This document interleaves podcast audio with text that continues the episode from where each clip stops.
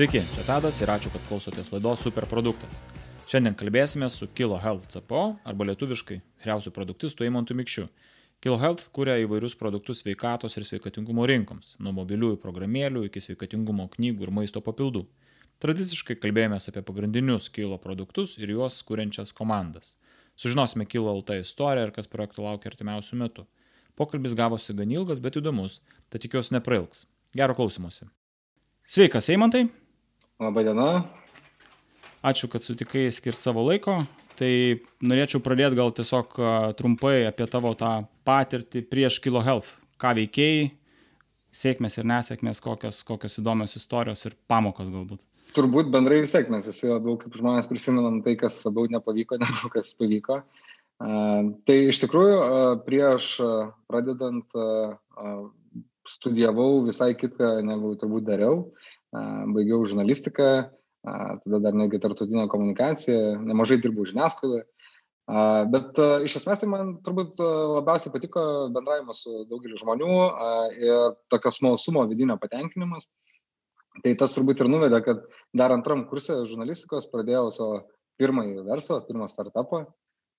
Ir čia kartu su Lietuvos kosmoso asociacija, su Kosmoso mokslo technologijų institutu mes pradėjom vystyti dronus, bepiločius orlaivius ir pirmieji jų buvo, bet čia labiau kalbam apie hardware, ne software, tai mes pirmosius jų bandėm pritaikyti žemės ūkiui, kariuomeniai, tai oro taikiniams, kažkiek galbūt ir žvalgybai, bet uh, ir iš esmės mes turėjom ir klientų pirmųjų, kas man asmeniškai buvo labai smagu ir uh, labai nedrasu eiti ir kalbėti apie pinigus, uh, bet taip pradėjau mokytis. Ir uh, po, po bepiločių mes nusprendėm turbūt, kad galima iš to padaryti verslą, bet nelabai didelį. Ir man iš tikrųjų labiau rūpėjo pabandyti kažką tokio labiau scalable, turbūt susijusio su internetu. Ir taip prisijungiau prie ką tik, ką tik susikūrusio iš esmės startuolio irgi lietuviško lėkštė LT. Tai su lėkštė LT mes nuo keletos užsakymų per dieną, kur patys išvežiodavom užsakymus, užaugom iki kelių šimtų per dieną ir mano pareigos abu buvo kaip rinkodaros vadovo. Tai tuo metu irgi labai įdomių sprendimų priemėm, buvo labai agresyvi konkurencija, iš Fudauto, kurio dabar nebėra. Ir konkuruodavom su kur kas didesniais biudžetais, kurių iš esmės mes patys nelabai ir turėjom. Dabar jau laikai pasikeitė, dabar jau ir ta pati lėkštė, kuri vis dar egzistuoja, gali konkuruoti labiau, nors aišku, jau Voltas, Voltas ir visi kita yra ir egzistuoja, bet tikrai žinau, kad kompanija neblogai gyveno iki šiol ir link, linkiu be abejo viso ko geriausio. Ir po to, kai pabandėm tokią lietuvišką patirtį, man tiesą sakant, norėjosi po keletos metų, taip jaučiausi, kad šiek tiek galbūt galima dar pasilevel upinti, pasikelti kartelę savo iššūkių. Tai tada nusprendžiau, kad reikia pabandyti kažką su užsieniu ir taip mane susirado ir pakvietė prisijungti prie, vėlgi, ką tik, ką tik prasidėjusio startuolio Valeza Martinas Nikolajevas. Ir jo turbūt tikslas bendrai buvo gal netgi nelabai man artimas ir net nelabai aš supratau pačios industrijos, tai yra kosmetikos industrija, grožio industrija.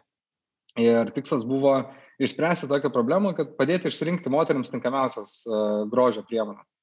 Ir iš tikrųjų problema yra labai didelė. Nemanau, kad mes teisingai iki galo ją išsprendėm. Ne, nemanau, kad apskritai turbūt galima kokybiškai ją išspręsti.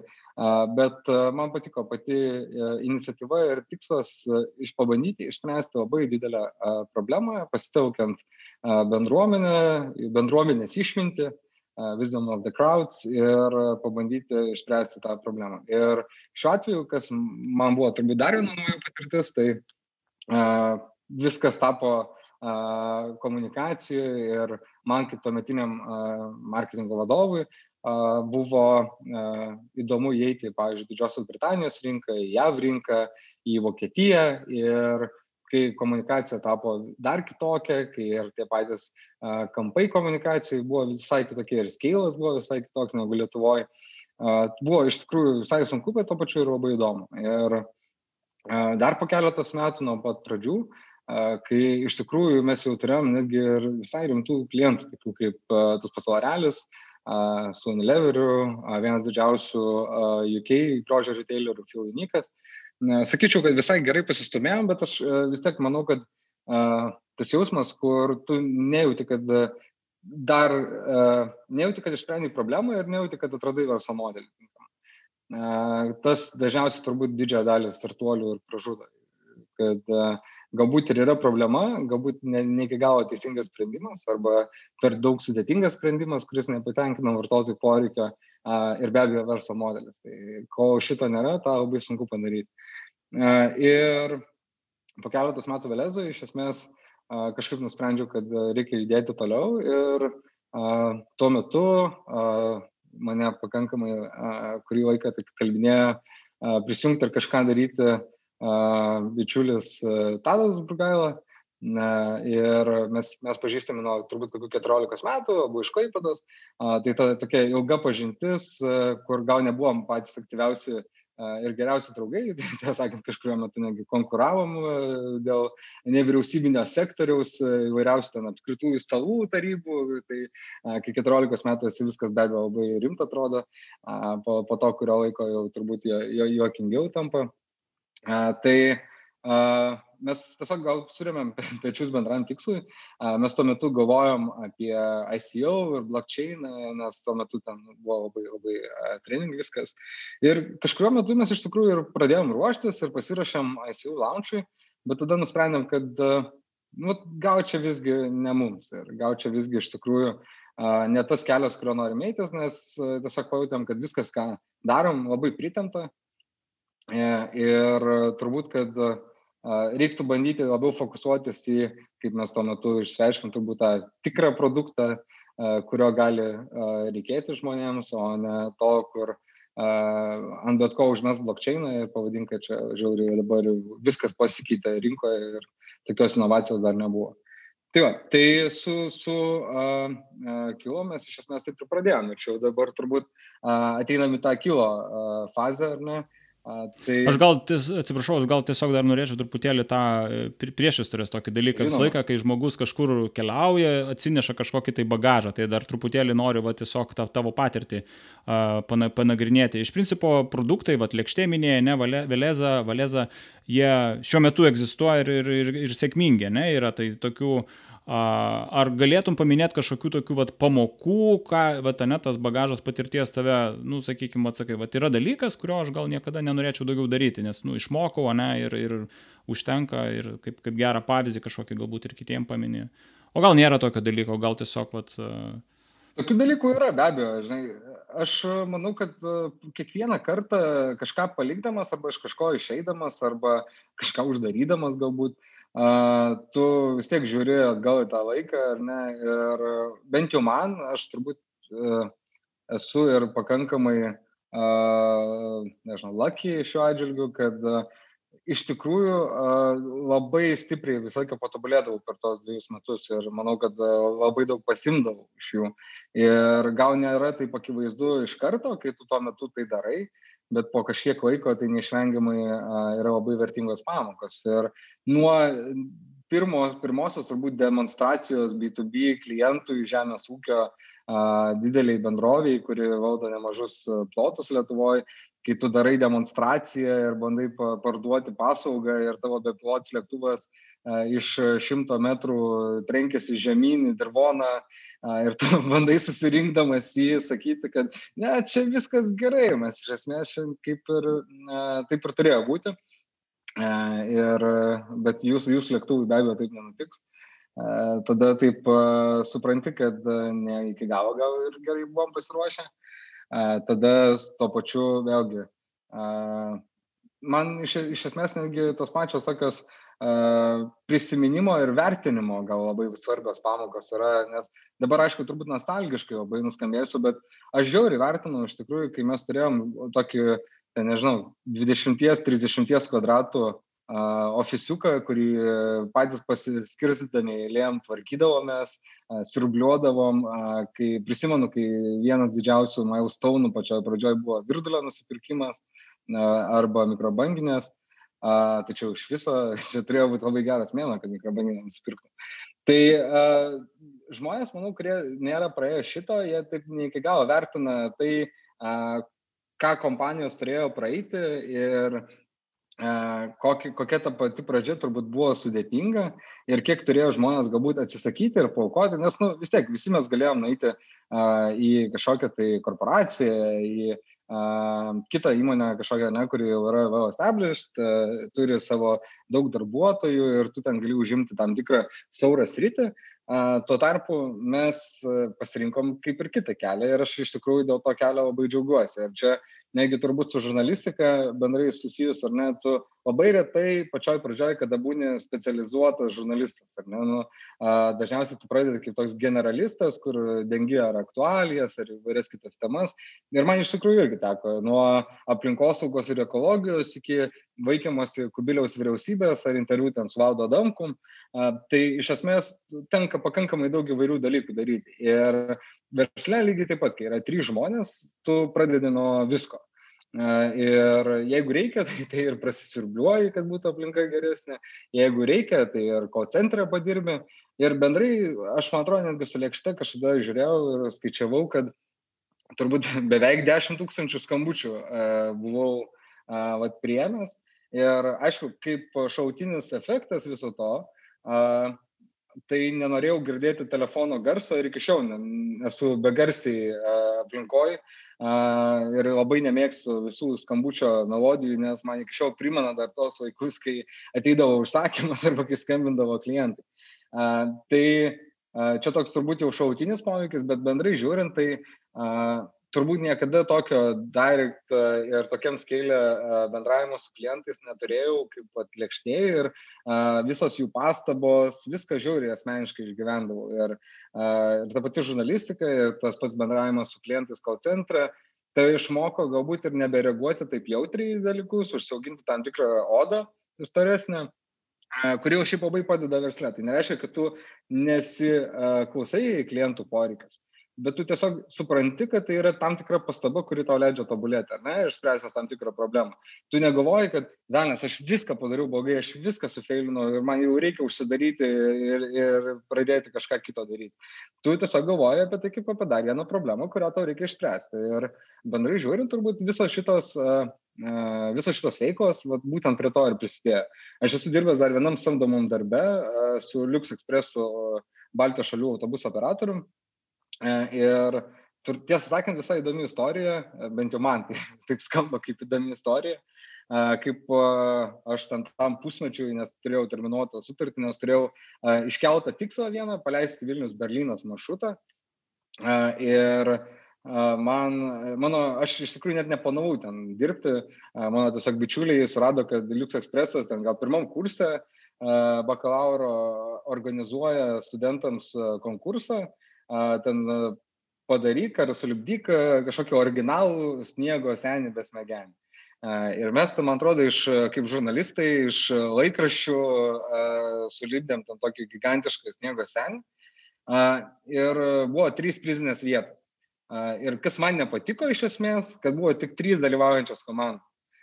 Ir aš manau, kad tas, nu, kaip mes laimėjome antrą vietą, jeigu aš gerai pamenu, tai kaip ir neblogai, bet kita vertus, man labai nepatiko, kad tokia didelė įmonė su tiek daug darbuotojų, tiek daug resursų išleido konkursą, kuris buvo visiškai nesėkmingas dalyvių skaičiumi.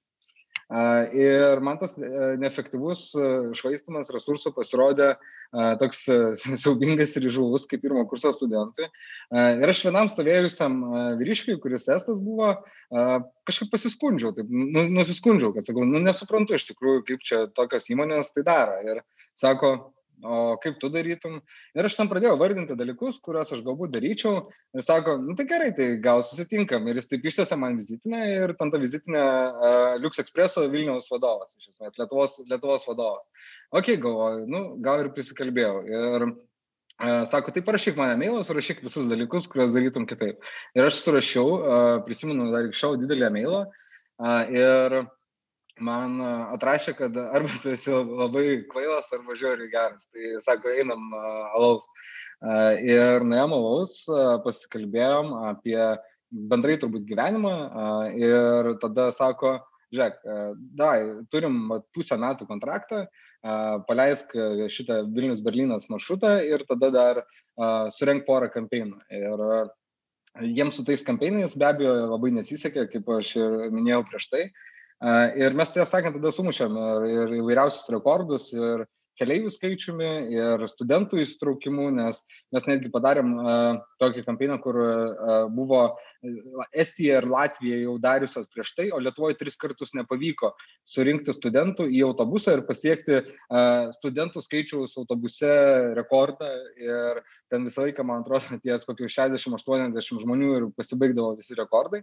Tai man atrodo, ties mūsų bandymų ten gal 160 žmonių susirinko ir aprašė visą žiniasklaidą ir panašiai. Tai dabar, žiūrint iš dabartinės perspektyvos, atrodo, kad, na, nu, jokingas achievementas, bet iš tikrųjų Tuo metu tai turbūt tas tam tikras įžulumas kai kuriuose vietose, galbūt net nenovokumas tam tikrose situacijose, kur dabar turbūt taip net nebandyčiau daryti, gal nuvedė prie visai įdomių pažinčių, visai įdomių nuotikių. Ir manau, kad tas ir smalsumas to pačiu labai padėjo ir tuo pačiu prisidėjo prie bendrai, vat, turbūt problem solvingo viso skilso, kur labai sunku turbūt apibrėžti, bet uh, supranti, kad uh, tu gali išspręsti uh, iš esmės bet kokią problemą, tą tiesiog reikia bandyti ir daryti ir turėti tam planą. Tai uh, turbūt to visa patirtis mane labiausiai galbūt ir išmokė. Ir turbūt, o, o dar iš tos pačios žiniasklaidos, tai turbūt pasiemi tam tikrą baimę, baimės praradimą kalbėtis su žmonėmis, ne, ir jų, jų gausti įvairiausių dalykų, kurie galbūt kartais skamba ir kvailai, bet kažkurio metu žmogus galbūt tau pasako vis, visai kažkokį kitą kampą, kurio tu net nesitikėjai ir, ir net nebuvai apie tai pagalvojęs. Taip. Pereikim tada prie kilo patirties. Kaip atsirado? Jau truputėlį minėjai, turėjai pažįstamą draugą. Kokia buvo pradžia? Kaip tai atrodė? Uh, tai kilo, kilo iš esmės šiaip yra turbūt daugam žinomas Lietuvoje kaip dar uh, čia toks uh, It's a blessing and a curse. Uh, iš esmės, kad uh, visi žino kilo LT ir visi galvoja, kad, uh, nu, nemaža dalis žmonių galvoja, kad uh, turbūt uh, čia dabar 300 žmonių uh, kilo health įmonė dirba prie kilo LT produkto. Uh, tai taip nėra, bet uh, kažkada uh, KiloT buvo turbūt vienas pirmųjų, kuris pradėjo kalbėti apie personalizuotą mytybą, sportą ir apie rezultatų pasiekimą iš tokios, sakyčiau, netgi tuo metu ypač labai kokybiškos perspektyvos, kadangi buvo ir dietologai, ir treneriai, kurie tave konsultuodavo internetu. Ir turint omeny, kad visos šios paslaugos šiaip kainuoja pakankamai nemažai, tai buvo pasiūlytas labai geras, greitas ir prieinamas variantas pačiai visuomeniai. O kaip kilo ta idėja? Va, ta prasme, kad, okei, okay, dabar va čia, va, kaip, kaip nišą tai identifikavot? Nu, patirtis aš, kažkokia aš buvo. Kilo tai, kurime prieš aštuonis metus nedalyvavau, bet manau, kad visų pirma, tai yra pati sveikatos industrija visada buvo auganti ir įdomi iš esmės. Ir šiuo atveju su pačiu, pačiu, nežinau, ar tai veitlosu, galima sakyti, turbūt kas, kas buvo pat, turbūt KLT prieš aštuonis metus, tai nelabai ir buvo kažko rinkoje. Ir pasaulyje tų pavyzdžių jau būdavo. Tai kolegos be abejonės pamatė galimybę sukurti verslą, kuris, kaip paaiškėjo, tapo visai dideliu verslu Lietuvos rinkoje. Ir buvo netgi bandyta su QLT eiti į kitas rinkas, ir į kaiminės valstybės, ir į centrinę Europą. Bet iš, iš tikrųjų tai visi bandymai nebuvo patys sėkmingiausi dėl to, kad pats produktas, kaip ir minėjau, turi ir dietologus, ir trenerius, ar ne, ir neturint žiauriai didelių investicijų, tai yra pakankamai sudėtinga įeiti į kitą rinką, nes tau reikia iš karto tiesiog susisamdyti žmonės, ar ne? Ir tas, tas, ta pradžia jau iš tikrųjų reikalauja didelių investicijų. Tai turbūt dar ir managemento galbūt bendrai klaidų buvo padaryta, nes vis tiek ne, ne, nepatirtis uh, ne, nepadeda šitoje vietoje, bet klaidos ir pamokos išmoktos, kolegos sustiprėjo ir verslo neuždarė iš esmės ir verslas egzistuoja dar iki šiol, tiesa jau ne, nebeilgai, nes dabar galima turbūt jau ir pasakyti tam tikrą, nežinau, naujieną, ne naujieną, bet mes su, su KIOT projektu atsisveikinam ir nusprendėm, kad jam atėjo tas paskutinioji ir jau keletą metų bendrai mes ten labai iš akvizišino pusės, iš marketingo pusės nelabai ir kažką darėm. Bet jis visada turėjo nuolatinį savo klientų ratą, be prasitęsančių narystės, sugrįžtančių po kažkurio laiko, kai jiems vis dar prisireikia paslaugų ir taip toliau. Tai verslas iš esmės dar galėtų egzistuoti ir toliau, bet mes šitą sprendimą priemėm dėl to, kad manom, kad pats sprendimas jau turbūt yra atgyvenęs ir nebepatraukus vartotojui ir mes nelabai norim daugiau investuoti laiko ir pinigų į turbūt į tik Lietuvos rinkai pritaikytą produktą. Čia toks saulėlėdis produkto atėjo žodžiu. Tai čia labai įdomus tada kampas. Jūs pradėjot nuo vieno produkto, ne Kilo LT. Kas yra dabar Kilo Health? Tai yra, kaip suprantu, ne vienas produktas, ne, ne tik tai digital, bet ir, ir fiziniai produktai. Tai ką, kas, kas Kilo Health yra šiandien? Uh, kodėl būtent ir pradėjau pasakoti gal nuo, nuo Kilo LT, nes uh, ir nuo, nuo uh, mytybos ir, ir sporto, uh, nes visas tas uh, know-how, kurį uh, per ten septynerius metus uh, susirinko tuometinis keletos žmonių kolektyvas, jis vis tiek buvo tarp šitų sienų ir vis tiek jį buvo galima panaudoti. Ir tada man prieš tris metus prisijungus, kaip ir buvo, iš esmės nereikėjo labai daug mąstyti, kokią turbūt industriją rinktis. Tai ne, nepradėsim greičiausiai gaminti elektromobilių, kai turim pakankamai gerą išmanimą ir tos pačius dietologus ir trenerius čia veikiančius, suprantančius, žinančius, kas padeda klientams ir, ir, ir kas ne, ne, ir kokie žmonės yra padarai, kurie neturi kartais motivacijos, bet turi labai daug vilties ir, ir noro kartais pasiekti vieną arba kitą rezultatą. Tai Šiuo atveju tai buvo labai pakankamai lengvas sprendimas, kad reikia toliau žiūrėti, kas vyksta pasaulyje su mytyba ir sportu.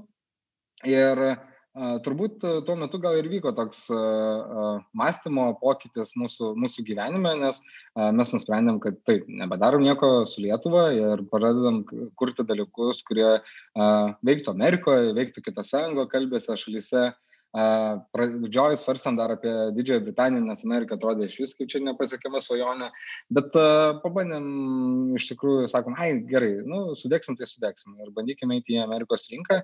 Ir tuo metu ir iki šiol egzistuoja labai didelis keto dietos trendas. Ir jeigu turbūt bendrai žiūrint rinką, tai uh, turbūt visos pasaulio dietos kartu sudėjus populiarumu neprilyksta ketogeniniai dietai. Iš esmės tai yra pakankamai daug ir sportininkų naudojama dieta ir tam tikras lygas gydyti rekomenduojama su, su šia dieta. Tuo pačiu įtinka ir svorio metimui. Tai E, turbūt tai paaiškina jos populiarumą pasaulyje ir aš manau, kad tas populiarumas dar tikrai niekur nedings, nes vis daugiau atsiranda mokslinių tyrimų, kad e, ketogeninė mytyba padeda ir e, su labai rimtų lygų prevencija arba gydimu, taip pat įskaitant ir diabetą ir dabar turbūt galima dar paminėti, nežinau, vėžio tam tikrų lygų prevenciją arba gydimą. Tai čia šiuo atveju nėra tai, kad dabar teigiu drąsiai, kad tai padeda ir apsaugo, bet nebejotinai mes į tai žvalgomės ir pakankamai daug investuojam, kad galėtume išsiaiškinti, kokios dar sritis galimos, kurių sričių dar problemas galima išspręsti su mytyba ir sportu. Ir iš tikrųjų, jeigu tuo metu, kai mes pradėjom, dar atrodė, kad mes kalbam apie svorio metimą greičiausiai, Ir aš pats turbūt čia asmeninį irgi tam tikrą santykių turiu, kur esu žmogus, kuris gali 25 kg numesti per 3 mėnesius, po to per metus atsiauginti svorį ir to vėl numesti. Tai visi, visi tam tikrose situacijose turbūt esam susidūrę, kai pagalvojom, kad blem, gal čia reiktų šiek tiek labiau prižiūrėti savo mytybą arba, arba sportą. Ne? Tai tuo metu tai buvo labai uh, straightforward, uh, tiesiogiai suprantamas mūsų tikslas, padėkim, padėkim žmonėms pasiekti savo tikslą ne, su, su mytyba. Uh, ir tada atsirado keto, tada atsirado dar keletas mūsų irgi aplink mytybą valgymo įpročius susikūrusių produktų. Kas tai per produktai, ar galėtum padetalizuoti, pa, pa, pa, pavardinti konkrečią, ne? tai kaip, kaip tie produktai atrodo? Tai iš esmės mes netgi pradėjom nuo tokių labai greitų bandymų a, sukurti produktą, kur būtų iš esmės prisijungimas prie plano a, per a, webą. A, ir nesakyčiau, kad tai buvo labai gera patirtis vartotojui. Dabar jau visi šitie produktai turi mobilias aplikacijas, kai kurias jau bandom derinti su skirtingu hardwareu ir su integracijom įvairiausiam. Ir viskas yra nueita šviesmečiais iš tikrųjų į priekį nuo to, ką mes paleidom, bet turbūt čia šiuo atveju labai svarbu paminėti, kad kaip ir visa įmonė, taip ir mūsų produktai pradėjom nuo tokio labai MVP varianto. E, ir čia aš netgi mėgstu sakyti, kad kaip dažniausiai mes product managementą turim tą product market fito, nežinau, tokį North Star, ne, kur vat, pagaliau pasieksim product market fitą ir viskas bus gerai. Tai mes gal netgi labiau nuo market product fito pradedam, kur bandom suprasti visų pirma rinką, visų pirma esančią problemą, visų pirma, ar yra konkurentų ir jeigu dauguma turbūt galvotų, kad jeigu konkurentų nėra, tai kaip tik gerai, tai mes šiuo atveju galvojam, kad jeigu yra konkurentų, vadinasi, yra teisinga žengti tą industriją ir į tą sritį. Tai šiuo atveju matėm, kad yra veikiančių verslo modelių, tiek keto, tiek fastingė, tam pačiame Tiesą sakant, vienas iš tokių dar pirmųjų produktų buvo ir diabetas, diabeto, type 2 diabeto mytybos planai, kurie galėtų tau sušvelninti tam tikrus simptomus ir, ir palengvinti arba apsaugoti, jeigu tu esi dar prediabetes stage. Tai mes su, su šiais produktais pradėjom pakankamai anksti ir nuo, nuo tų pirmųjų žingsnių mes dabar jau esam pažengę iki tokio turbūt lygio, kur turim 15 dietologų komandą, trenerių komandą, turim medical doctors ir pakankamai rimtų specialistų iš užsienio konsultacijas ir pagalbą, dirbam su mokslininkais, dirbam su universitetais tam, kad galėtume daryti kokybiškus tyrimus ir bandyti kurti tam tikras ir burti tam tikras fokus grupės, testuoti savo produktus, skirtingus mytybos planus, skirtingus pasirinkimus žmonių ir kaip tai nulėmė jų sveikatą. Ir tai daryti ne tuo principu, kaip galbūt mes kažkurio metu darėm ir dėl to, kad norėjom paleisti viską ant greičio, kalbant apie tą patį pirmą produktą keto, kur davai surinkim ten 200 receptų greitai iš interneto ir paleiskim pirmąjį produktą. Dabar tai jau darom kur kas labiau atsižvelgdami į E, tas pačias galimas pasiekmes vartotojui, ar mes galim iš tikrųjų jam padėti ir panašiai. Ir dėl to mums buvo reikalinga visa krūva specialistų, kurių, kurių dabar ir turime ir nuolatos ieškome ir daugiau. Ir bendrai kalbant apie produktus, turim jų dabar 15 berots. Ir tas skaičius nuolatos auga ir iš, iš tikrųjų pametu į kartais. Dėl to, kad nuolatos ir patys kuriam naujus produktus ir jau atsiranda tokių projektų, kurie susibūrė kažkur atskirai nuo mūsų ir mes juos prisijungiam prie mūsų arba investavom į juos. Tai čia šiuo atveju tai padeda mums aukti greičiau ir plėsti savo produktų portfolio ir išnaudoti turbūt jau tas visas infrastruktūros žinias, kurias mes turime dabar jau Kilo, Kilo Health organizacijoje.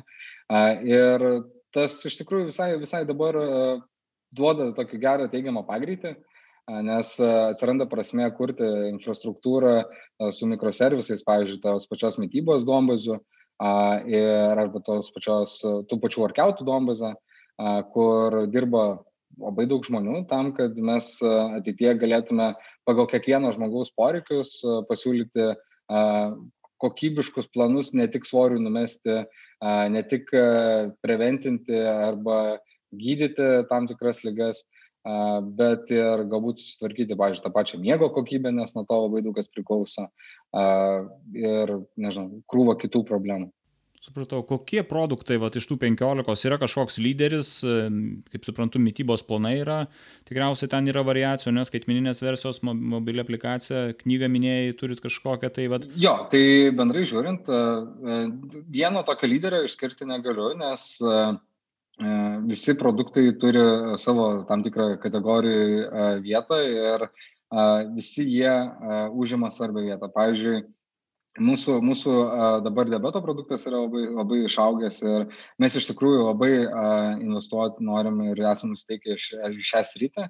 Čia beje, šiaip ieškom, dabar toks skelbimas turbūt iš mano pusės, ieškom daug žmonių, kurie nori prisidėti ir iš produkt managemento pusės, nes ten tikrai reikia ir daug logikos, ir daug bendravimo su vartotojais. Ir tai yra labai didelė problema visame pasaulyje, kurią, kurią mes stengiamės išspręsti. Tai šiuo atveju, jeigu kas nors yra susidomėję, tai jungitės ir ne tik prie šitos problemos turime ir krūvą kitų problemų, kurių išspręsti mums reikia. Tai debetas be abejo yra kitų tokių nišų, kaip turbūt bėgiojimas. Tai čia šiuo atveju dirbam su bėgiojimo treneriu, bėgimo treneriais, tam, kad būtų galima sudaryti kokybiškus planus ir rekomendacijas žmonėms. Šiuo atveju labai dažnai įvairiose programėlėse, nes mes visi suprantam, ar ne, kad bėgimo produktų pasaulyje tikrai netrūksta. Ne?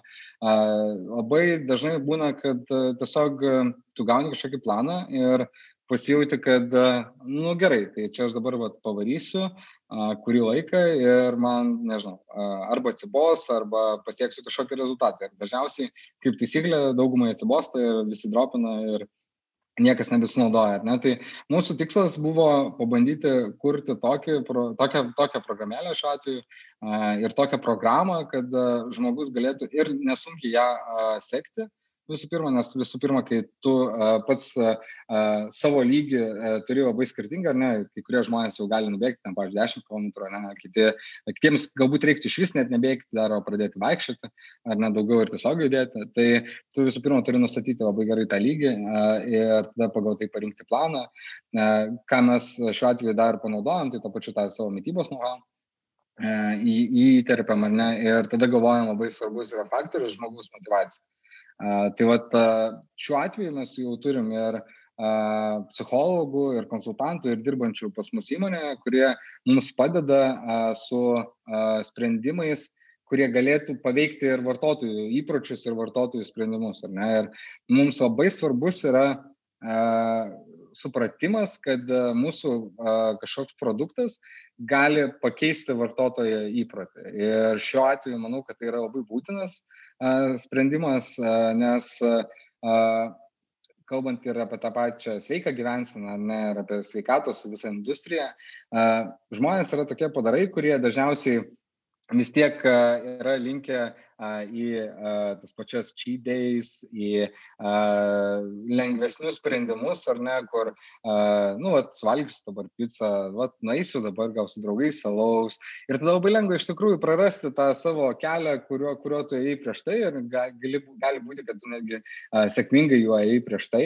Ir tada labai svarbu, kad tu sugrįžtum iš tikrųjų ir labai svarbu, kad sugebėtum priimti daugiau gerų sprendimų negu blogų sprendimų. Ir vat, tas balansavimas ir tas tuo pačiu nepušinimas, kad dabar viskas, tu gyvensi čia absoliučiai sveikai ir daugiau gyvenime uh, tu negalėsi net pažiūrėti į jokį, nežinau, junk foodą, į dar kažką. Tai yra neteisingas sprendimas, manau, ir tai yra labai trumpalaikė strategija. Tai šiuo atveju bendrai žiūrint, nesvarbu, ką mes darom, mes tengiamės pažiūrėti iš tos vartotojo perspektyvos. Nesakau, kad mums jau pavyko, manau, kad tai yra dar labai ilgas kelias iki to, nes galų gale tam, kad tu iš tikrųjų galėtum pasiūlyti kokybišką personalizuotą sprendimą, tu turi atsižvelgti į kiekvieną rinką, į vartotojų krepšelio dydį ar galimybės, ar ne, jo mėgstamus produktus, Labai dažnai žmonės netgi yra linkę meluoti savo patiems, kad dabar jie iš tikrųjų nori sportuoti 5-6 kartus per savaitę, vietoj to, kad jie patys supranta, kad turės laiko greičiausiai vieną arba du kartus. Labai kaip taisyklė dažnai žmonės renkasi, kad jų mėgstamiausia daržovė yra brokolis, nes tiesiog yra girdėję, kad tai yra sveika, nors iš tikrųjų turbūt greičiausiai tai nėra jų mėgstamiausia daržovė ir turbūt nebūtų netgi to penkiuose.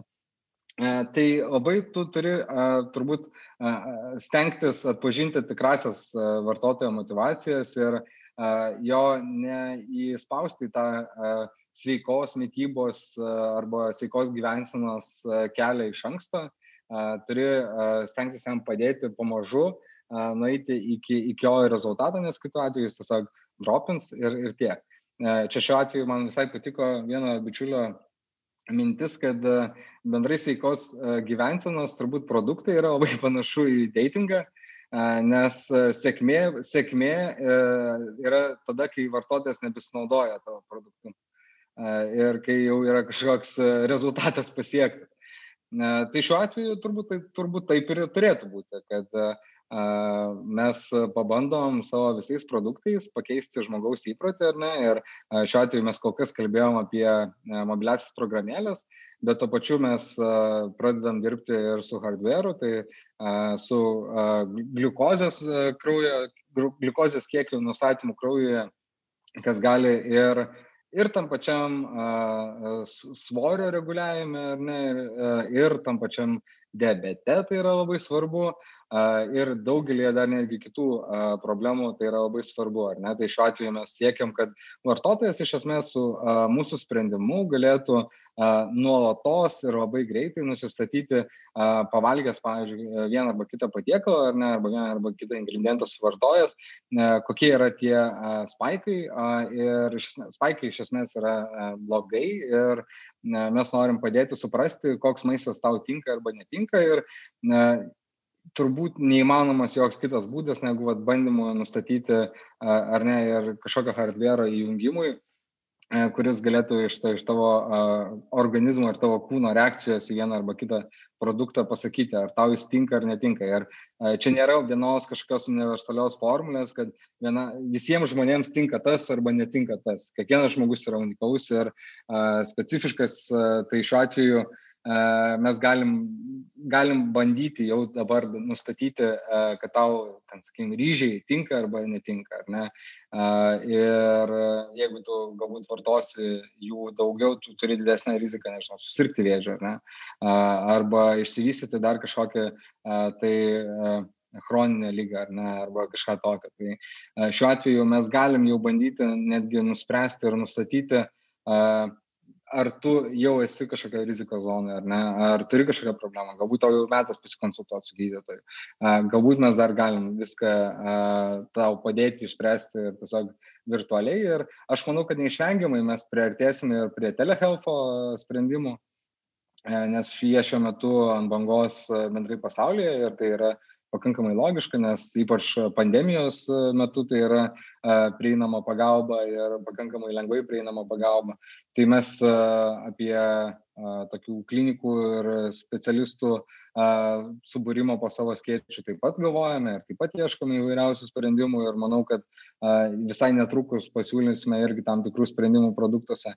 Bet taip pat iš, iš esmės bandom dirbti ir su suplementų kategorija Tai turim ir savo papildų linijas, kurios iš esmės turbūt labiau prisideda ir papildo kol kas mūsų esamus produktus. Tai sakykime, tam pačiam fastingė ar ne, turim fastingo produktą ar ne, tai šiuo atveju viena didesnių problemų yra, kad žmogus jeigu ir žino, ką valgyti ar ne, tuo metu, kai jis nevalgo ir turi laikytis fastingo savo ritmo, ne, jis nori uh, kažką perkasti ir taip toliau. Ne? Ir tuo metu jis negali daryti, vadinasi, susiduria su ta uh, problema, kad uh, daug stresuoja ir panašiai. Ne? Ir uh, dažnai būna, kad po to ir uh, ne, nebeatsilaiko ir, ir traukia savo fasingo ritmą. Tai stengdamiesi to išvengti, mes sukūrėm uh, papildą, kuris uh, padeda žmogui numalšinti elkio jausmą, uh, bet nebreikinti paties festą. Ir mūsų papildai yra kuriami ir gaminami Kalifornijai. Tai šiuo atveju dirba visai nemažai dabar specialistų, kurie ir jeigu mes, kaip ir vėlgi, minėjau nuo pat pradžių, kai kūrėm web apps ar ne, ir po to perėjom prie mobilios aplikacijos, pradedam nuo kažkokio tai MVP varianto, ar ne, tai šiuo atveju irgi. Iš pradžių mūsų dietologės stengiasi sugalvoti kažkokį tai sprendimą, dabar jau turim mokslininkus, netgi ne iš Lietuvos, kurie mums padeda suformuoluoti, tuo pačiu padeda ne tik suprasti geresnės medžiagų įsisavinimo ypatybės, ar ne, kurios dar efektyviau padėtų vartotojams padėti, bet ir tuo pačiu mes jau pradedam atsižvelgti tokius dalykus kaip skonis, kaip žmogaus tas pats įprotis, ar ne, nes jeigu tu turi nuolatos įvartoti tas papildą, ar ne, tau kažkurio metu tiesiog pradeda tai atsibosti, ar ne, ir jeigu tu jo, pavyzdžiui, nebevartoji, tai uh, tu vėlgi gali sugrįžti savo įprastą rutiną prieš tai buvusią. Tai čia kalbant turbūt apie tą pačią motivaciją uh, ir žmogaus įpročius, ar mes stengiamės surasti sprendimą, kad jam tai neatsibostų, kad galima būtų paįvairinti jo kasdienybę ir taip toliau. Tai uh, turim pakankamai uh, įvairių uh, produktų šiuo atveju. Turim ir standalone tokių produktų, kurie nepapildo dabar kažkokios mūsų kategorijos krepšelio, bet uh, kurie tiesiog, tiesiog yra skirti, pavyzdžiui, ten, žarnyno arba gut health bendrą, bendrą sritį ar nenukreipti. Ir šiuo atveju einam netgi per to, tokias kategorijas, kurios galbūt daugumai skamba kaip tabu, ar ne, bet ten daug vartotojų iš tikrųjų esam pastebėję ne kartą iš įvairiausių apklausų, kad susiduria su virškinimo problemomis ar ne, su a, tais pačiais, nežinau, užkėtėjusiais viduriais arba dar kažkuo, ar ne, kas iš tikrųjų net nejauku tam tikrą prasme sakyti. Ir čia nežinau, ar rytų europiečio a, kažkoks genas įsijungia, žinai, arba dar kažkas, bet ne, nejauku turbūt apie tai kalbėti, yra galbūt kažkokios stigmos arba dar kažkas, bet a, galų gale a, mes pasistengiam tiesiog sukurti ir patį produktą ir a, pateikti tai per marketingą, per žinutės, kaip dalyką, apie kurį galim kalbėti ir galim laisvai, nežinau, netgi reklamuoti ir su šūkiais get shit done ir poop like a winner paleisti naują ir nematytą tai pačiai Amerikai produktą, po kurio sulaukiam ne tik daugybės iš tikrųjų ir teigiamų klientų atsiliepimų, pripažinimas turbūt šiuo atveju ateina ir tada, kai tokios kompanijos, tas pačios kaip Amazon, parašo ir sako, gal norėtumėt pardavinėti į mūsų platformai, o tuo tarpu mes kažkur giliai savo viduje galvojam, lemba, reiktų kada nors jau pradėti ir Amazon'e prekiauti tuo. Ir tada iš tikrųjų supranti, kad eini visai tinkamų kelių turbūt, jeigu tave pastebi ir jeigu tave pakečia pardavinėti ir tau padeda uh, pradėti verslą naujoje platformoje. Ne? Tai tada turbūt supranti, kad jau galbūt esi pasiekęs tam tikrą lygį, uh, kurio, kurio, apie kurį ir norėjai ir galvojai prieš tai.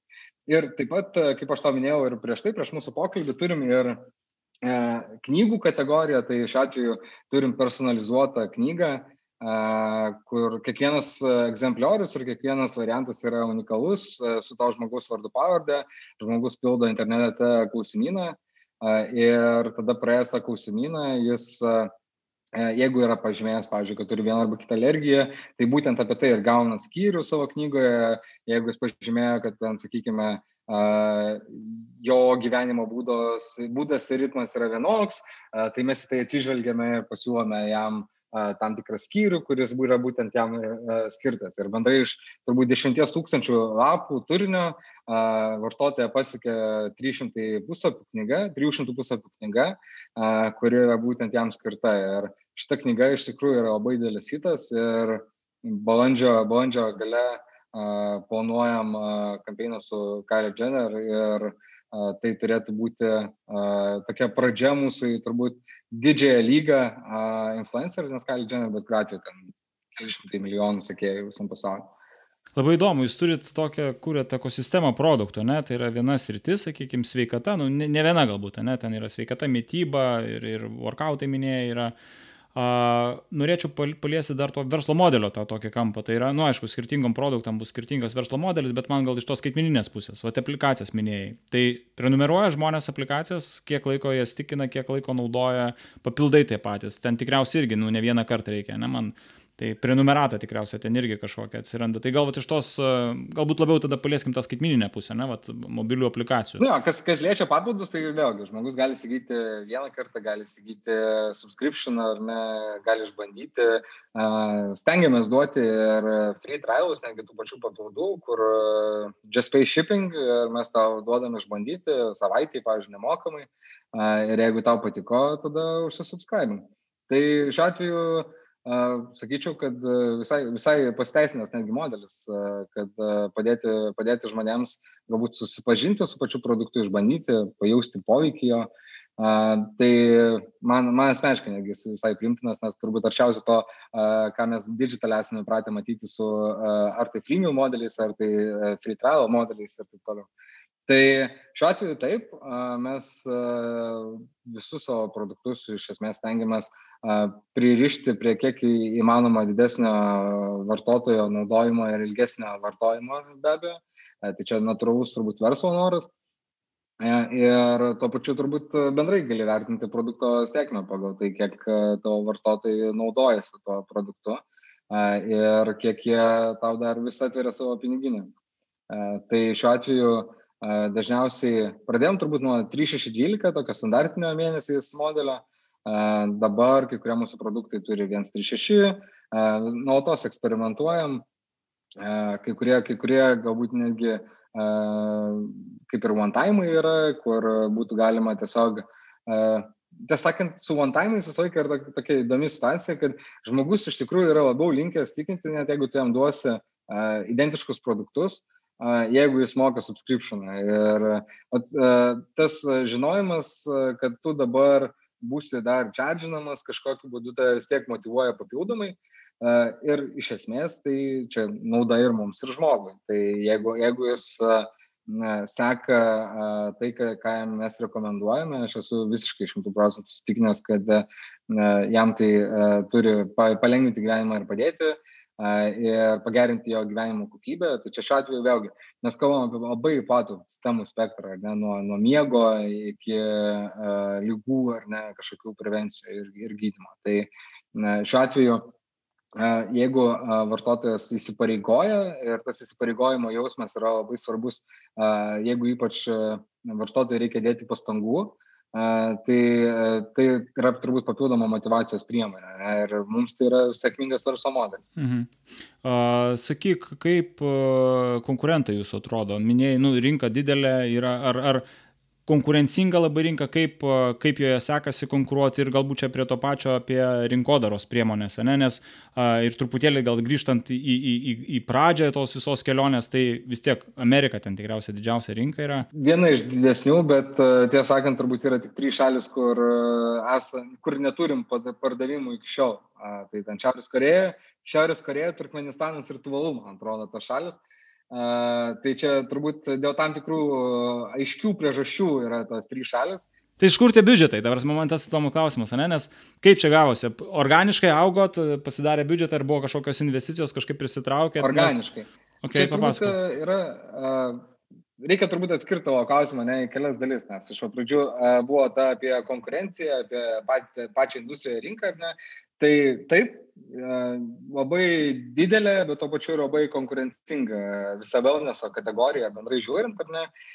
Ir wellnessas iš esmės yra e, viskas, 4 trilijonai turbūt toks industrijos dydis, iš kurių 1 trilijonas yra grožio industrija, kurią aš jau dabar su, suprantu, čia be irgi praeities patirtis, kurią galima atsinešti. Tada yra labai didelės be abejo ir personalized healthcare, ir ta pati nutrition, ir bendras mental health yra labai didelė, didelė dabar jau industrija, ar ne? Bet čia tuo pačiu negi augančios tokios kategorijos yra kaip netgi tas pats pet care, įvairūs spa, kurie yra viena vertus mes esame pratę matyti spa, ar ne, kaip ten, nežinau, druskininkai arba dar kažkas, ne, kur tai fiziškai nuvyksta, bet to pačiu ir tam tikri sprendimai, kaip tu spa gali įsirengti savo namie galbūt. Tačiau pakankamai daug, didelė industrija, kuri žiauriai daug talpina ir nesu tikras, ar ją galima kada nors išsemti, nes visą laiką atsiranda vis, vis skirtingų ir vis kitokių inovatyvių sprendimų. Ir čia šiuo atveju mes labai atidžiai ją sekam ir dėl to ir turim savo R&D, apie kurį turbūt galėsim šiek tiek dar vėliau pakalbėti, ar ne? Tai kas, kas liečia mūsų norą eiti į, tas, į tą industriją, ne, tai yra, kad daug konkurentų to pačiu reiškia, kad yra ir pakankamai daug išbandytų verslo modelių, ne, kuriuos galima bandyti replikuoti ir patiems, arba iš jų sulibdyti kažkokį unikalų savo bandymą. Ir, ir tas kol kas mums labai pasiteisina, nes mes galbūt nepasiūlom kažkokio tokio kol kas netikėto pasaulyje sprendimo, bet galim padaryti tai, kas egzistuoja kokybiškiau ir geriau, ar ne? Mytybos planas nėra jokia inovacija, bet mytybos planas, kuris gali pristaikyti prie tavo organizmo reakcijos, mytybos planas, kuris gali pristaikyti prie tavo biudžeto, jau galima vadinti tai tam tikrai ir inovacija. Tai šiuo atveju, ir vėlgi, žinai, negali duoti recepto žmogui, kuris yra cepelinas, jeigu jis yra Amerikoje, ne? Tai jam jo vietiniai virtuviai tai vėlgi turi būti pritaikyta, ne? Vadinasi, reikia žiauriai didelės personalizacijos ir labai didelės duombazės receptų. Šiuo atveju netgi mes turim tam tikrą ir sprendimą, kadangi receptų kūrimas ką mes vis tiek darom, yra labai imnus laikui ir labai sunku tą pačią, nežinau, vištieną su grikiais, vištieną su ryžiais dar kažko pateikti žmogui, nes visą, viską reikia gaminti, viską reikia fotografuoti, viską reikia pateikti. Tai šiuo atveju mes netgi turim kaip papildomą sprendimą, kai penkių ingredientų receptai, kur žmogus gali pagal tai, netgi ką turi šaldytuve, keisti vieną ingredientą, pagal tai pasikeičia proporcijos visų kitų ingredientų, gali keisti kelis ingredientus, gali keisti kombinaciją ir mes patikėm iš kombinacijas ir aprašymą, kaip žmogui pasigaminti iš tų ingredientų, bet nepatikėm galutinio recepto nuotraukos. Ir šiuo atveju tai yra žiauriai lankstus būdas iš to, kad tu galbūt turi šaldytuve, greitai pasigaminti kažką, kas yra sveika. Ne? Ir jokinga, nes atsirado iš mūsų pačių turbūt patirties, ar ne, kad nu, ne visada turi viską po ranka, ar ne, ir reikia, reikia kažkokio lankstesnio būdo. Tai kadangi visus produktus vis tiek patys testuojam ir išbandom ant savęs savo kailių ir žiūrim, kas veikia, kas neveikia, tai tą, tą labai pajaučiam ir kartais sukuriam netgi kažkokį unikalesnį sprendimą, kurio, kuris nėra prieinamas pasaulyje. Tai čia kalbant apie pačią, nežinau, industriją, ne. Tada kalbant apie, man atrodo, buvo klausimas tavo apie mūsų marketingą, ar ne? Rinkodara, taip, kanalai, acquisitionas klientų. Uh, tai uh, jeigu viskas prasidėjo nuo uh, pakankamai paprastų, bet to pačiu nepaprastų sprendimų kaip uh, Google Ads arba Facebook Ads, neišvengiamai uh, laikui bėgant turėjome ieškoti ir daugiau kitų kanalų. Tai aš nekalbu apie tai, kad ne, dirbam ir su Snapchatu, ir su TikToku, ir su visais įmanomais kanalais, ir su jų atstovais tam, kad suprastume geriausias best practices. Ir mūsų specialistai, manau, kad yra vieni labiausiai kompetitingų turbūt šit, bendrai žiūrint į kiekvieną kanalą ar ne ir jų geriausią optimizavimą ir performance, bet uh, taip pat pradedam tada žiūrėti ir į kitas didelės uh, marketingo sritis, ar ne, kaip ir tas pats influencerių marketingas, ar ne. Ir čia vėlgi buvo viskas eita labai paprasto MVP keliu, nuo keletos mikroinfluencerių, tada iki tokių didesnių influencerių, iki prancūzijos tam tikrų žvaigždžių ir galų gale uh, kai jau pamatėm, kad galim replikuoti ir kad sėkmingai iš to uždirbti, tada jau atsiranda metas investuoti į tokias didelės žvaigždės kaip Kylie Jenner. Ir čia net nėra pabaiga. Ir taip pat televizija, ar ne, tai televizija Amerikoje mūsų gal toks, netgi nežinau, kažkodėl toks nostalgiškas gal dalykas, ar ne, kur taip galvoju, kad nu, va, norėčiau iš tikrųjų, kad eitų reklama ar ne Amerikoje, kuri pristatinėtų mūsų produktus. Ir mes ties to labai kryptingai dirbam, kad tą kanalą atidarytume ir kad galėtume sėkmingai pristatinėti tai, ką mes darom Amerikos vartotojams. E, ir ne tik Amerikos, ir, ir kitų šalių e, vartotojams. Tai šiuo atveju turbūt e, paminėk kanalą ir mes bandom jau kažką jame turbūt daryti ir bandom atverti kelius į vartotojų širdis per bet kurią mediją. Man įdomu dar tas pats augimas, nes vis tiek dirbti su Amerika, tai biudžetai, nu, nelietuviški, net ten jau reikia ir šimtų tikriausiai milijonų pinigų. Jo, tai šiuo atveju mes turbūt uh, nebejotinai esam sėkmingi ir laimingi, turbūt, kad sugebėjom uh, po turbūt irgi vėlgi ilgo bandymo, ar ne, nes uh, kilo tai irgi bandė eiti į užsienį, ar ne, nesėkmingai sudegė, grįžo, susirinko daiktus, toliau bandė eksperimentuoti ir daryti, ar ne. Uh, ir su mūsų pirmaisiais irgi bandymais ne, ne visais pavyko, bet uh, galų gale su vienu produktu mes pataikėm į trendą, ar ne, uh, pataikėm į žmonių poreikį, uh, radom, kad jiems jo reikia ir pamažu iš tikrųjų užaugom iki tiek, kad galėjom savo leisti pradėti kitą produktą, dar kitą produktą ir iš tikrųjų eidami tiek horizontaliai per kanalus, tiek vertikaliai per skirtingus produktus ir na, panašias wellness kategorijos vidinės industrijas, ar ne, tai galėjom skailintis ir didinti savo paslaugų portfolio, o galų gale tapo logiška kurti savo vidinę infrastruktūrą, vėlgi kažkokius mikroservisus, su, nuo paymentų iki shippingo modulių įvairiausių, kuriuos galima replikuoti per skirtingus produktus, nepaisant to, kokio jie negi industrijoje dirba.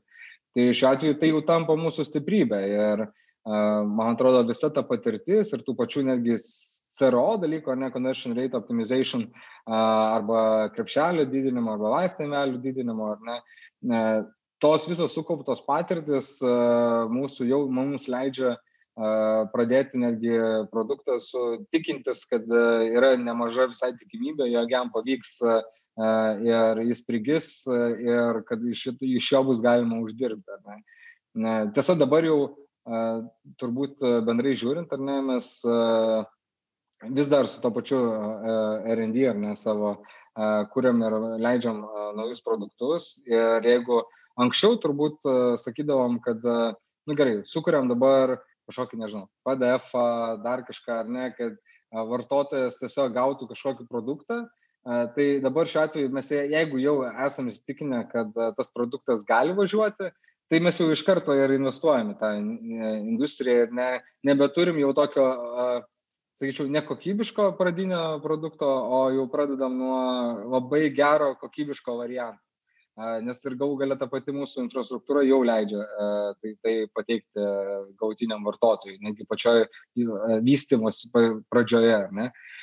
Ir čia turbūt bendrai labai svarbu yra, kad tas pats mūsų įsitikinimas, ar produktas gali veikti ar ne, kas yra turbūt e, labai didelė problema bendrai žvelgiant į naujus verslus ar ne, arba į naujus produktus, kuriuos e, mes paleidžiam, kad mes dažnai uh, užsiciklinam kažkur savyje ir ne, kad, nu va, šitas tai dabar tikrai turėtų paeiti, čia iš tikrųjų egzistuoja problema uh, ir tada galiausiai mes subilinam kažką ir pasirodo, kad to nereikia. Ne, ir, niekas neperka arba netrodo jiems, kad tai yra įtikinamas sprendimas. Ne? Ir šiuo atveju aš pats per gyvenimą irgi dariau tokių dalykų ir a, kažkaip norėjusi išvengti to, kad ne, nebedarytume tokių klaidų ir jeigu jau investuojam iš tikrųjų a, visai a, didelės sumas, ar ne, netgi tos pačios, nežinau, mobilios aplikacijos padarimas, tai yra visai dideli pinigai ir jeigu tu turi daug produktų ar ne, nori padaryti kokybiškai, tai bet kuriuo atveju tai reikalauja didelių investicijų. Tai šiuo atveju mes dažniausiai pradedam nuo tam tikro sales funnelio testo, netgi kartais be gautinio produkto, kai tiesiog bandom suprasti, ar vartotojui yra priimtinos žinutės, ar jam aišku, kokį mes produktą čia galėtume parduoti. Ir galų gale mes dažniausiai net ne, nečeržinam vartotojų ir tiesiog išmetam, kad uh, sorry, out stock or whatever. Ir uh, taip stikinam, kad uh, galim parduoti į pliusą, bent jau taip, pačioje pradžioje, ne, arba bent jau būti labai netoli to pliuso. Tačiau kalbant apie fizinius tikriausiai, ne kažkokius produktus, kur, kur gali tokį... Ne, out of stock nelogiška appsui, tai. bet mes tai irgi kartais darom, nes tu neturi appso, ne, bet nori stikinti, ar tas appsas gali, gali būti naudingas vartotojui ir ar vartotojas tuo tiki, ar ne. Tai šiuo atveju vis tiek tu jam, pavyzdžiui, sukuri webą ar ne ir vedi vartotoją per savo fanelę ar ne ir čekautę vartotojas spaudžia, kad, okei, okay, perku ir tu jam tiesiog jo nečerdžini ir atsiprašai už, už jo sugaištą laiką, bet tu savo asmeniškai įsitikini, kad buvo vartotojų, kurie norėjo pirkti tavo produktą. Ir tada tu jau gali. Bet čia ir appso atveju, sakykime, skaitmeninių produktų atveju, ar tik tai fizinių? Nu, visų, produktų, visų produktų atveju. Vis, visus produktus mhm. tą, tą fanelį tokį praeina, tą ne nuo viršaus iki. Dažnia, dažniausiai taip, tiesą sakant. Ir tai yra m, turbūt paprasčiausias būdas šiuo atveju suvokti, ar yra niša, ar yra e, poreikis, ar yra rinka ir ar ta rinka nori mokėti. E, tai... O kaip palyginat? Nu, vat, jūs tikriausiai turite, aš įsivaizduoju, benchmarkų nemažai, ne, su kuo būtų galima išeiti, ne, ten daug testų per patirtį, ne? Jo, ja, nu, tai mes, mes jau bet kuriuo atveju per, žinai, e, tai, kad turim 15 produktų, reiškia, kad to pačiu turim dar kokį 20, kurių niekas nemato ir neišvydo. Tai šiuo atveju yra ir tokių, kurie ir netgi buvo galbūt pradėti bilinti, bet galiausiai supratom, kad nu, nereikia jų vartotojams? Tai šiuo atveju buvo ir klaidų tam tikrų padaryta, vis tiek einant e, per, per trijų metų kelią, ar ne, kaip kilo health. E, tai natūralu, kad atsiranda tam tikri benchmarkai ir tam tikri procesai, kada mes kartais priimam, kad ir atrodo sudėtingas sprendimas, bet jeigu mes ne, ne, nebesugebam to produkto pardavinėti ir jeigu nesugebam iš jo uždirbti, nu, mes primam tą sunkų sprendimą, kad galbūt reikia su tuo vaiku, kad ir kaip būtų liūdna, atsisveikinti. Ar teisingai suprantu, kad čia RD padalinio yra uždavinys, vat, surasti kažkokius galbūt idėjas, atrinkti ir tada praleisti pro tą fanelį, nepagaminant kažko? Jo, RD pas mus atsakingas yra už researchą, uh, už supratimo industrijos, už supratimą problemų, už galimas sprendimų paieškas ir suradimą tų sprendimų, ar ne, kaip tą problemą išspręsti. Ir tada už tokio tam tikro plano sudėliojimą, ne, kiek, kiek tai galėtų kainuoti, ar kiek e, užtruktų laiko sukurti vieną arba kitą sprendimą ne, ir panašiai. Ir tada galų gale mes balsuojam, vertinam, uh, kuris produktas turėtų būti sekantis arba kuris bandymas turėtų būti sekantis. Ir tada bandoma atsižvelgti tai, ką mums sako rinka. Ar teisingai suprantu, kad RD nedaro to bandymo, va, ne, sakykime, tos mauktesto tokio? RD šiuo metu daro tą bandymus, daro daro tokią, ne, ta prasme, tai jau jūs gaunat iš principo tokį, kai jau prieina prie kažkokio investavimo sprendimo, jūs jau turit kažkokį patvirtinimą, kad va, profonelį praėjo va, toks skaičius, čia galbūt per mažai, o va, čia, čia yra visai jau neblogas rodiklis. Taip, ir tada, kai nusprendžiam investuoti, mes turim uh, tokį transition teamą, uh, nes natūralu projektas, kuris iš, išeina iš R&D, ne, jis uh, neturi dar komandos. Uh, tai tam, kad projekto nešaldyti uh, ir nelaikyti nežinioje. Ir tai mes turim tokį transition teamą, kuris padeda pereiti tą etapą iki tol, kol mes surinkam dedikuotą komandą. Ar čia yra su MVP subildina, ar MVP subildina tas teamas, ar čia tiesiog toks, ką, ką daro tas transition teamas? Uh, jo, jis bilina MVP uh, ir tuo pačiu, uh, jeigu mes dar ne, nesugebėjom, pavyzdžiui, atrasti dedikuotos komandos, ne, tai vis tiek pradedam nuo lydo, uh, suradimo ir tada, kuris užsima labiau HR ir tos pirminės komandos subūrimu. Tai jis užtikrina, kad tas projektas gali sėkmingai funkcionuoti, egzistuoti ir galima nežinau, pardavinėti jį. Tai vat, šiuo atveju tai daro tas tymas iki tol, kol atsiranda, sakyčiau, pirmas devas, pirmas lydas, pirmas marketingistas, pirmas produktistas. Ir tada jau jie perima tą komandą ir rūpinasi tuo produktu patys. Ir šiuo atveju mes turim, kiekvienas produktas turi mūsų dedikuotą komandą. Mes dažniausiai pradedam, kaip ir minėjau, nuo lydo. Lydas standartiškai yra toks generalistas, kuris kaip ir turbūt iš, iš savo patirties galiu pasakyti, kuris prisilietęs prie daugiau, daug sričių, nebūtinai yra profas product managemente, nebūtinai yra profas marketingė, bet turi labai stiprų ownership jausmą e, ir mes labiausiai turbūt į, tai atsižvelgiam, ar, ar jam rūpi, kad išspręs problemą, ar jam rūpi, jeigu kažkas neveiks ir tada ar jis sugebės iš tikrųjų spręsti tas problemas. Tai šiuo atveju tam mes ir turim sukūrę savo kofaundo programą, kur kviečiam prisijungti talentus iš, iš viso pasaulio, kurie galėtų pradėti su mumis kažkokį naują produktą, kurti naują verslą ir mes šiuo atveju suteikiam ir savo know-how, ir savo instrumentus ir savo infrastruktūrą visus, ne? tai turim tokį akceleratorių, tam tikrą inkubatorių viduje, prie kurio jau prisijungia iš tikrųjų nemažai žmonių ir esu visai patenkintas susidomėjimu iš, iš rinkos, nes panašu, kad to labai reikėjo, nes labai daug žmonių nori kažką pradėti ir daryti savo, tačiau reikia tokio postumio ir kartais nesinori labai rizikuoti žmonėms, galbūt viskuo ar ne, ir, nežinau, išeiti tą tokią nežinomybę ir, ir pradėti kažką gilinti savo. Tai šiuo atveju mes turim tokį sprendimą, kur a, žmogus gali ir gauti komfortabilų atlyginimą, ir gali gauti komandą ir visus nuo žmogiškų išteklių iki bendrų infrastruktūrinių sprendimų ir tuo pačiu dar turėti kažką savo versle ir, ir įmonė. Ne? Tai šiuo atveju tam, kad žmogui būtų kiek manoma didesnė motivacija stengtis ir, ir vystyti toliau.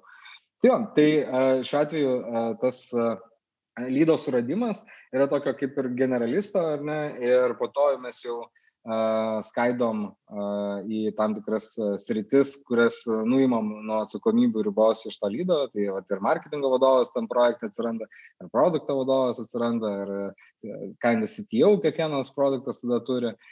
Ir čia šiuo atveju mūsų vidiniai resursai, visi operations teamas, kuris nėra dedikuotas, padeda kiekvienam produktui kiek įmanoma geriau įsivažiuoti ir pačioj pradžioj. Kas yra operation teamas? Tai čia yra klientų aptarnavimas, ar čia jau kalbėjo apie programuotojus, QA, dizainerį? Mes, mes iš tikrųjų turim labai daug resursų, kurie nėra dedikuoti ir kurie yra, sakykime, jeigu tai yra, jeigu kiekvienas timas turi savo devus ar ne, tai be abejo mes turim ir CTO, kuris yra ne, ne tik kiekvieno projekto kontekste, bet tuo pačiu ir visos įmonės kontekste, ar ne? Ir šiuo atveju, jeigu mes turim tos pačius lydus, ar ne, kurie užsiminėja projekto verslo vystimu, ar ne, ir jo augimu, tai to pačiu mes užtikrinam, kad ir viduje būtų žmogus, kuris padeda jiems bendrai prižiūrėti ir auginti projektą savo komandai. Tai kiekvienas rytis turi savo atitikmenį ir savo vadovą iš savo, savo nišos ar ne viduje organizacijoje ir tai padeda užtikrinti ir gerą informacijos sklaidą ir tuo pačiu padeda išspręsti galbūt kažkokias kylančias problemas, kai matai, kad vienam projektui kažkas nesiseka, kitam sekasi, tai galima tiesiog pabandyti rasti, matant bendrą tokį didesnį paveikslą, rasti daugiau gerų sprendimų ir priimti gerų sprendimų. Tai žodžiu, tos komandos evoliucionuoja. Pradžiai jinai nedidelė yra ir ten galbūt dalinai yra, nėra pilnai dedikuotų žmonių, paskui produktui augant e, atsiranda labiau dedikuoti, ten pilnai dedikuota, ne, ir jeigu jau ten visai įsivažiuoja, tai tikriausiai visi ten full time ir, ir, ir, ir darbuojasi. Tai teisingai. Nu, čia, čia iš esmės mūsų toks tikslas yra, ne, kad e, kiekvienas uh, produktas arba kiekvienas verslas ar ne užaugęs turėtų e, pilnai autonomišką savo veikimą, e, kur nebepriklausytų nuo ar tai shared resursų arba dar kažko, ar ne. Ir nėra taip, kad neturėtume sėkmingų pavyzdžių. Mes jau turim bent keletą įmonių, na, kurios yra na, 30 plus žmonių timai ir jie gali jau sėkmingai savo autonomiškai veikti, priimti sprendimus ir tas iš tikrųjų labiausiai ir džiugina, nes e, e, kai pačioj pradžioj, e, nežinau, dar būdami šimto žmonių įmonė, mes dar vadovavomės tą shared resursų, tokią matricinę logiką, tai uh, tas turėjo labai daug pliusų, bet to pačiu labai daug minusų, ne? nes natūralu, kad visi pešasi dėl tų pačių resursų ir uh, tu tada negali sėkmingai auginti naujų projektų, uh, ir nelabai gali kokybiškai iki galo padėti tiems uh, samiems savo flagmanams.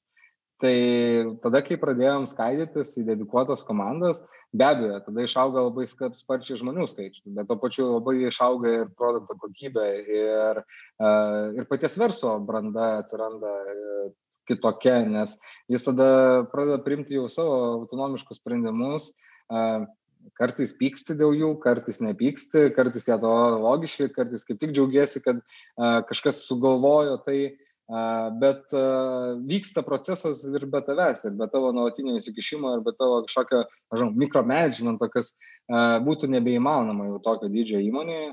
Ir mes niekada labai ir nenorėjom tokios kultūros kurti viduje. Ir pas mus kultūra apskritai turbūt tokia laisva ir autonomiška, kad uh, yra pakankamai dažnas, netgi keistas eiti tarp skirtingų sričių mūsų, mūsų įmonės darbuotojams ir jeigu pradėjai, nežinau, būti e-mail marketeriu, baigi kartais kokiu kreatyvų tampi ar ne, arba jeigu pradėjai ir tapai, nežinau, influencerių žmogum, tai nereiškia, kad uh, esi influencerių menedžeris, ne, tai nereiškia, kad negali part-time, pavyzdžiui, kurti kažkokią produktą ir, ir naują verslą. Tai mes tai skatinam, tai darom uh, ne tik išorėje per kofono programą, bet ir to pačiu viduje. Nes, uh, man atrodo, logiška logiškas noras ir supratimas yra, jeigu žmogus nori kažką pradėti, tu jį skatini ir motivuoji tai daryti. Kai investuojat, ne, jūs apsibrėžėt kažkokį, turi tikslą, targetą, kad nu, turi investiciją atsipirkti, nežinau, du metai, nedaugiau. Ar, ar, ar taip e, lankščiau pažiūrit?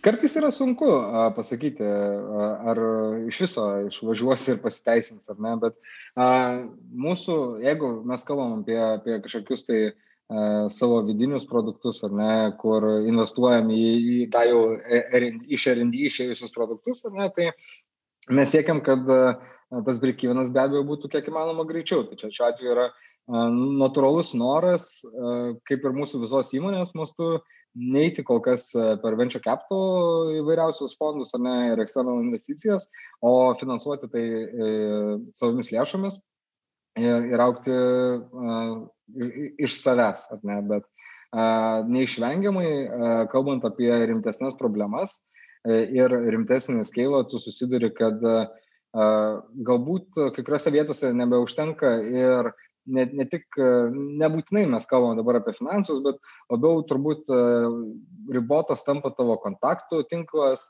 tam tikros žinios tampa ribotos ir nebūtinai jos yra prieinamos čia Lietuvoje. Tada tu pradedi galvoti apie tai, kad tau reikia E, galbūt ir tam tikrų investicijų iš e, išorės, ar ne, iš tam tikrų partnerių.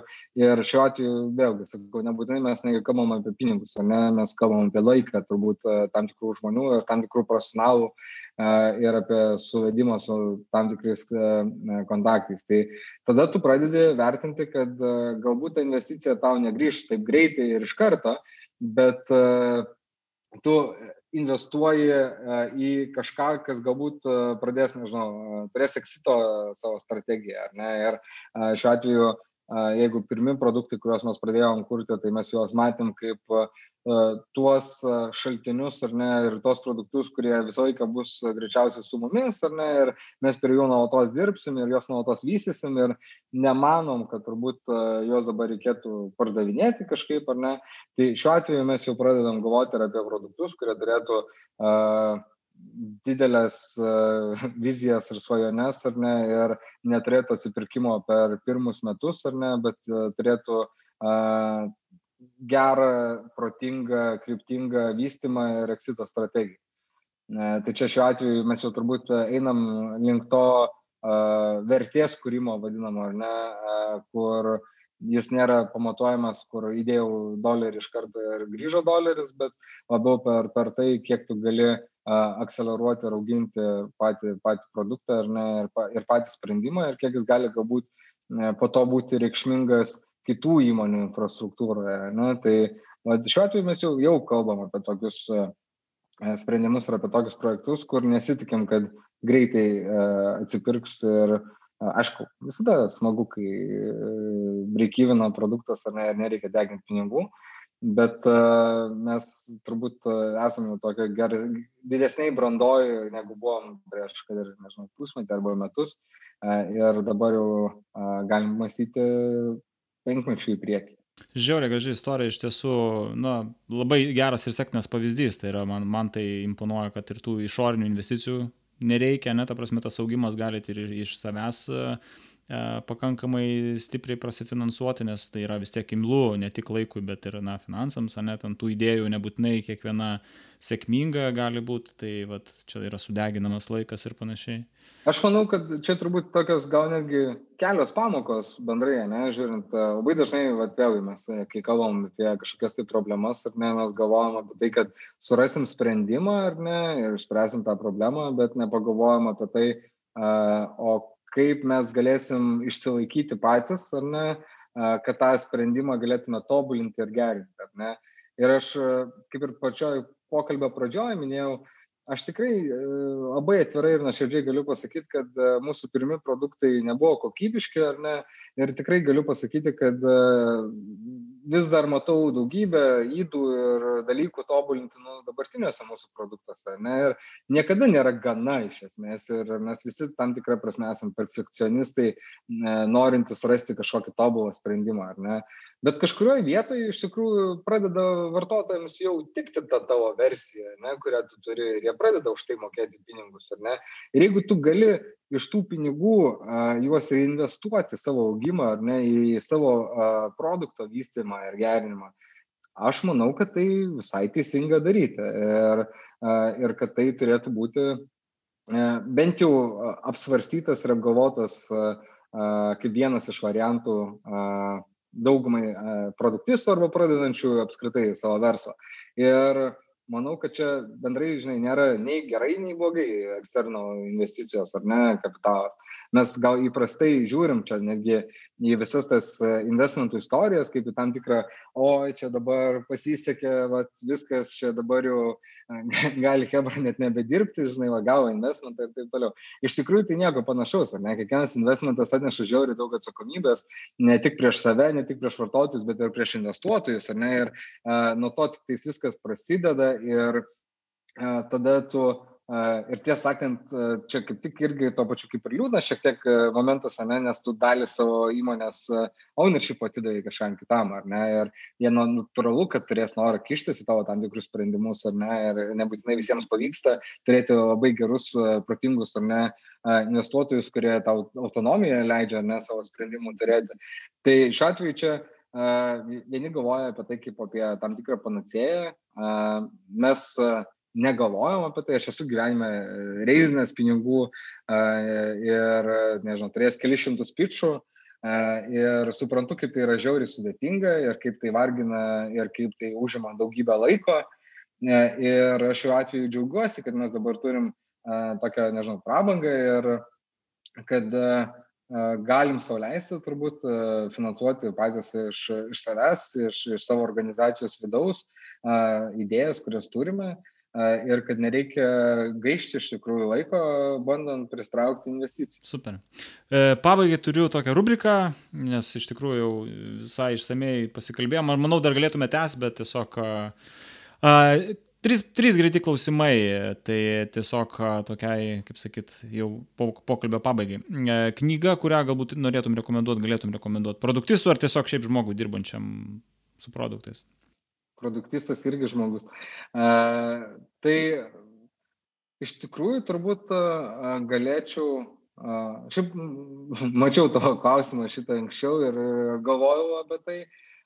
Ir nesu aš galbūt tas žmogus, kuris dabar pastaruoju metu ypač labai daug skaitytų, ar ne, bet aš kadangi galvoju, kad mes visi turim savo gyvenime a, priimti daugiau gerų sprendimų negu blogų sprendimų, ar ne, ir turim ugdyti savo gerus įpročius.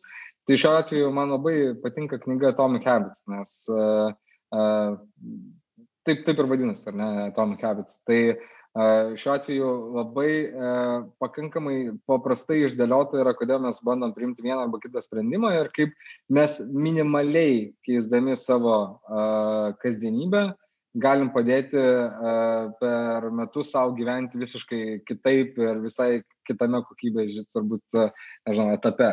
Tai šiuo atveju, žinai, vėlgi, yra liftas ir yra laiptai, ar ne, ir jeigu tu priimi sprendimą vaikščioti laiptais ar ne, nevažiuoti liftu, per kažkurį laiką tas šitas tavo sprendimas tau duoda dividendų, ar ne? Ir e, vėlgi, tam, tik, tam tikri įpročiai e, gali būti slepiami blogi e, ir taip tu gali savo padėti juos pamiršti ir tam tikrus gerus įpročius, kuriuos nori išvystyti, ar ne, tu gali e, skatinti pat save, ar ne, juos pateikdamas juos savo labai prieinamai ir lengvai, ar ne. Tai aš manau, kad e, ir produktą, ir produktą kūrime tai yra žiauriai svarbu. Uh, dėl to, kad žmonės psichologiškai visada nori pakankamai greito, paprasto, lengvo sprendimo ir nebūtinai visi mūsų sukurti produktai visą laiką jiems įsipaišo į tą rutiną, ar ne? Tai mes turim pabandyti joje atsirasti kiek įmanoma dažniau ir pabandyti suformuoti tą įprotį uh, vietoj, nežinau, pasirinkimo picos, žinai, galbūt atsidaryti ir kažką pasigaminti, ar ne? Arba pasižiūrėti, ką turi šalituvė ir priimti teisingą sprendimą, arba dar kažkas. Ir nebūtinai kalbant apie sportą ir mytybą, čia turbūt bet kurio industrijai tai galioja. Antras klausimas, kasdien naudojami įrankiai darbui. Aš šiaip stengiuosi, kiek manoma, mažiau įrankių naudoti. Tu, tu, tu, tu. Šiaip geras klausimas, bet Kas kalbant ir liečiant bendrą produktivumą, aš turbūt stengiuosi naudoti tos pačius įrankius, kuriuos mes visi naudojam, ar ne, Slackas, e-mailas ir taip toliau, ar ne, komunikacijai. Bet man labai patiko kažkada buvusio kolegos parodytas būdas valdyti savo elektroninį paštą, ne, kuris dažniausiai būna pergrūstas visais e-mailais. Ir tai yra Zero Inbox Policy. Tai šitas yra mano numeris vienas dalykas. Aš negaliu ramiai nueiti mėgoti, jeigu žinau, kad yra bent vienas emailas, kurio aš arba netrašiau, arba neišdalytinau, arba nesuarchiavau.